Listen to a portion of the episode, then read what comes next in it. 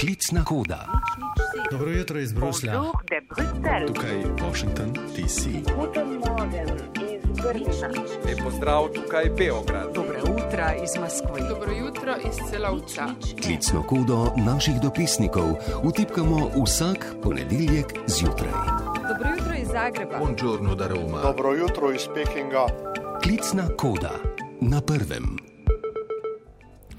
Karmen Švegel je trenutno na krajšem postanku doma v Sloveniji, nedavno se je vrnila iz ukrajinske Odese, je izvrstna poznavalka razmer na Bližnjem vzhodu in v širši regiji in zdaj tudi z nami. Dobro jutro, Karmen.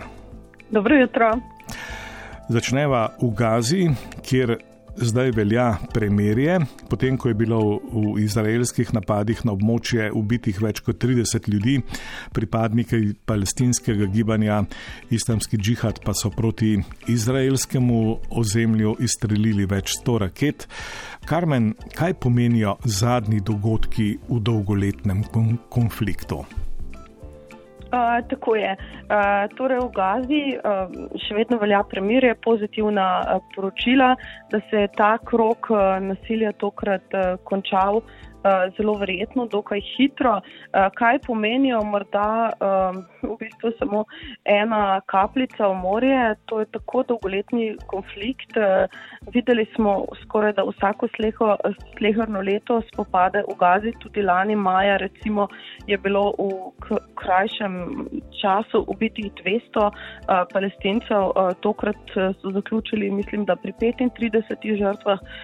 Tako da Žrtev je vedno veliko, to je izjemno prenaseljeno območje, tudi če potem Izraelci povedo, da, da so tarče neki skrajneži, je skoraj da nemogoče, da civilisti ne bi bili tudi uh, med žrtvami. Uh, seveda v Gazi um, ljudje živijo v izjemno težkih razmerah, ni um, presenečenje, da se krepijo neka skrajna gibanja, ki ljudem obljubljajo svobodo, ki jim obljubljajo, da jih bodo osvobodile tega težkega življenja in potem uh, ta gibanja seveda skušajo z nekimi raketami napadati Izrael in drugače, s kakimi napadi Izrael potem uh, napade te skrajneže, ti potem znova raketirajo Izrael in potem imamo neko spiralo nasilja, ki se včasih konča hitro, včasih traja mesec dni ali več, da se konča.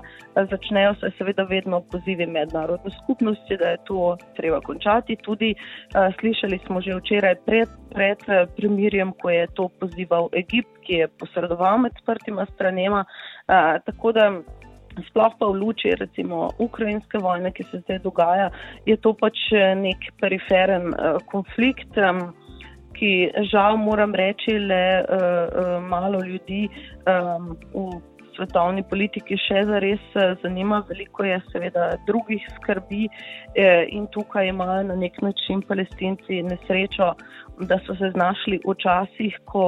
Um, je pač to uh, postal, kot rečeno, nek periferen konflikt, da tudi njihovi arabski bratje uh, imajo druge skrbi, da nimo, da bi Iran lahko postal jedrska sila, uh, kot vidimo, vse več arabskih držav ima vzpostavljene odnose z Izraelom, ker imajo neke strateške cilje, kjer pač palestinci ne igrajo več tako uh, pomembne vloge. Uh, tako da verjetno bi težko rekli, da bo ta konflikt v krajšem času kakorkoli mogoče rešiti, ker za to enostavno ni volje. Kot sem že uvodoma omenil, Karmen, prejšnji teden si obiskala ukrajinsko Odeso, nekdaj mirno, cvetoče, turistično in tudi kulturno zelo razgibano mesto ob eh, Črnomorski obali. Eh, kakšno je zdaj življenje tam v vojnih razmerah, v senci pretečih eh, napadov?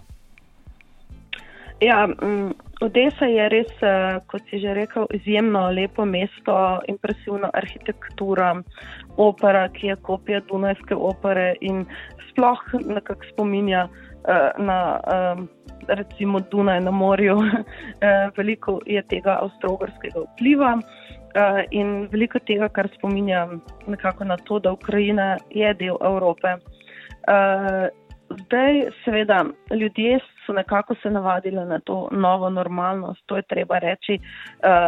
Sprehajajo se, skušajo seveda sprehajati svoje hišne ljubljenčke, pse, skušajo tudi iti na kosilo, na večerjo.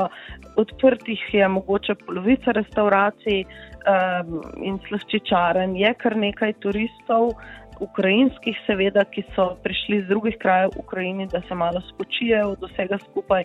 Čeprav pa je dejstvo, da se tudi v Odesi vsaj trikrat na dan oglasi alarm, torej um, svarilo pred morebitnimi napadi, večinoma so to raketni napadi ruskih sil. Um, cilj v preteklosti je bilo pristanišče, ampak tudi dvakrat uh, letovišče, stanovanski bloki, tako da mesto nikakor ni uh, mirno, ampak moram reči, da je ta nek občutek. Um, tesnobe, obenem pa neke nove normalnosti, ko ljudje um, skušajo lahko rečem, z kozarcem vina v rokah sprejeti to, kar jih je doletelo in s tem živeti naprej.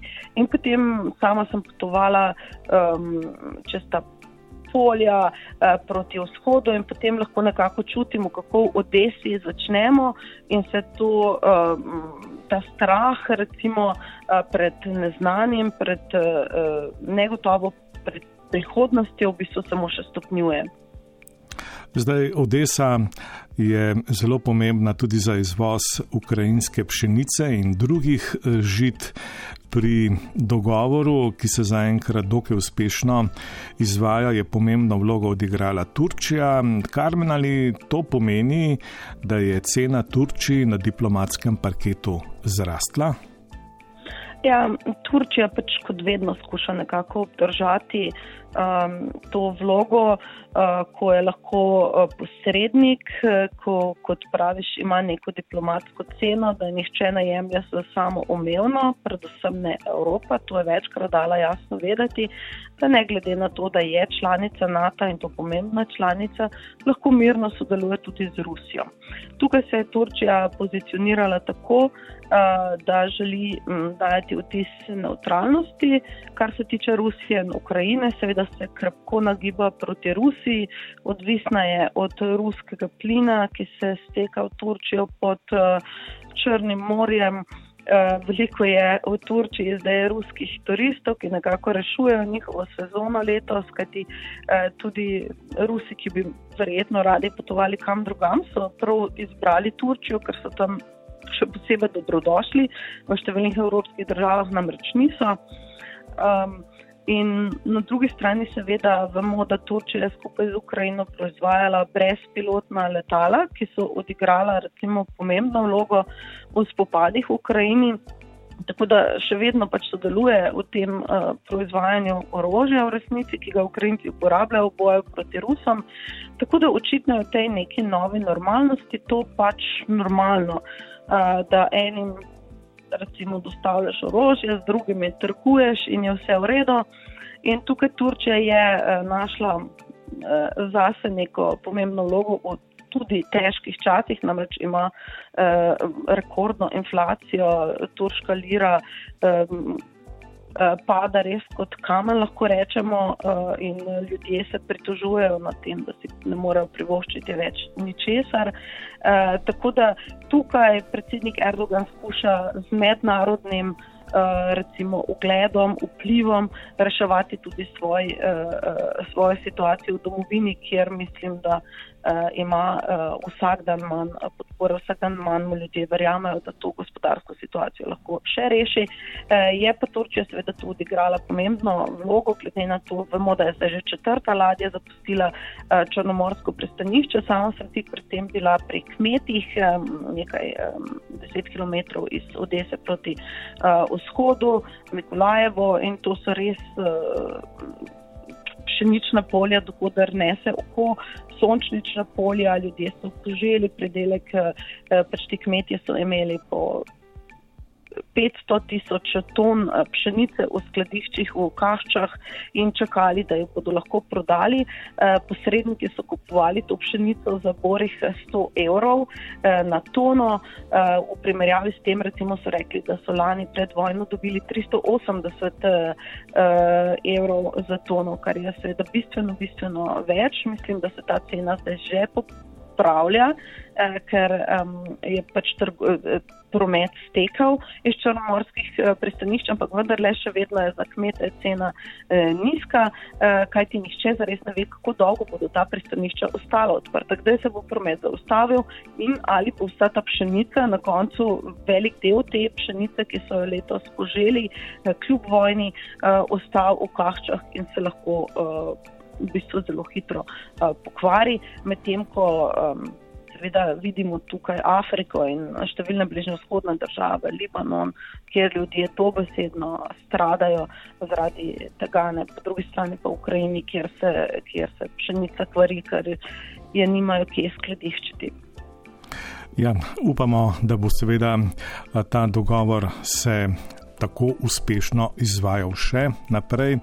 Vemo, da je seveda izvoz ukrajinskih žit zelo pomemben tudi za širšo regijo, recimo tudi za nekatere afriške in azijske države. Karmen Švegel, 4 minute so zdaj le do sedmih. Eh, hvala lepa za današnji pogovor in seveda se veselimo tvojega poročanja tudi v prihodnosti. Hvala, lepo zdrav.